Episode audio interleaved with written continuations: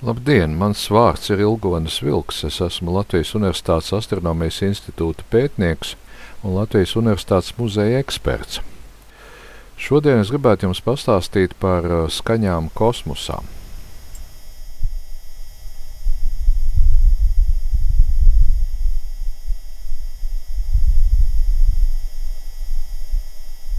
Skaņas, ko jūs tikko dzirdējāt, ir ierakstītas uz Marsa šā gada 20. februārī. Var dzirdēt Marsa vēju un arī skaņas no kosmiskā aparāta iekšienes. Tā ir tikai otrā reize, kad dzirdam skaņas no citas planētas. Pirmā reize bija 2005. gadā, kad tika ierakstīti vēja šalkoņi, zondē nolaižoties uz Saturna pavadoņa Titāna. Paklausīsimies!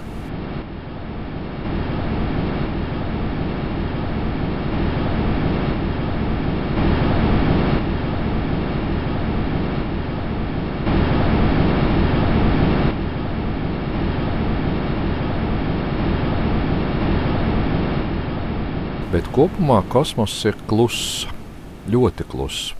Kāpēc? To jums pateiks jebkurš skolēns.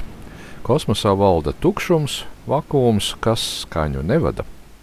Skaņa iespējama tikai tur, kur ir kāda gāze, šķidrums vai cieta viela. Mēs varam tikai iztēloties, kādi grāvieni skan Saules atmosfērā, kad sākas uzliesmojums vai augšu paceļas varena protuberance. Tie 150 miljoni kilometru tukšuma, kas mūs šķir no Saules, padara mūsu zvaigzni mēmu. Droši vien vēl iespaidīgākas skaņas dzirdamas grandiozajos pārnaus sprādzienos, kad lielākā daļa zvaigznes tiek aizsviesta uz visām pusēm.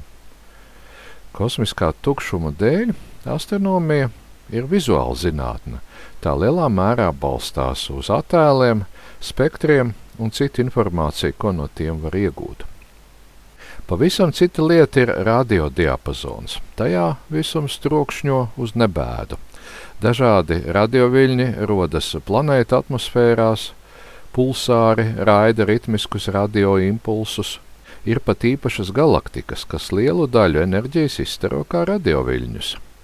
Taču radioviļņu svārstības ir daudz straujākas nekā skaņas svārstības, un mēs tās nedzirdam. Zinātnieki ir izdomājuši paņēmienus, kā pārvērst radioviļņus dzirdamā skaņā. Lūk, piemēram, radiosignāli no Jupitera.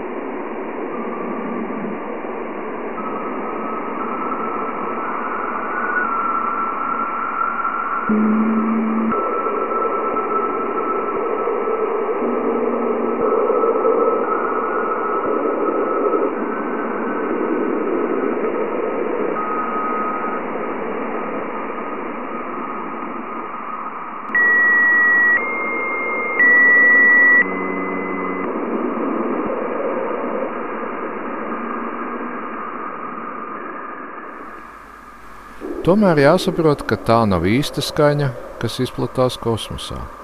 Kopumā kosmoss ir kluss, ļoti kluss.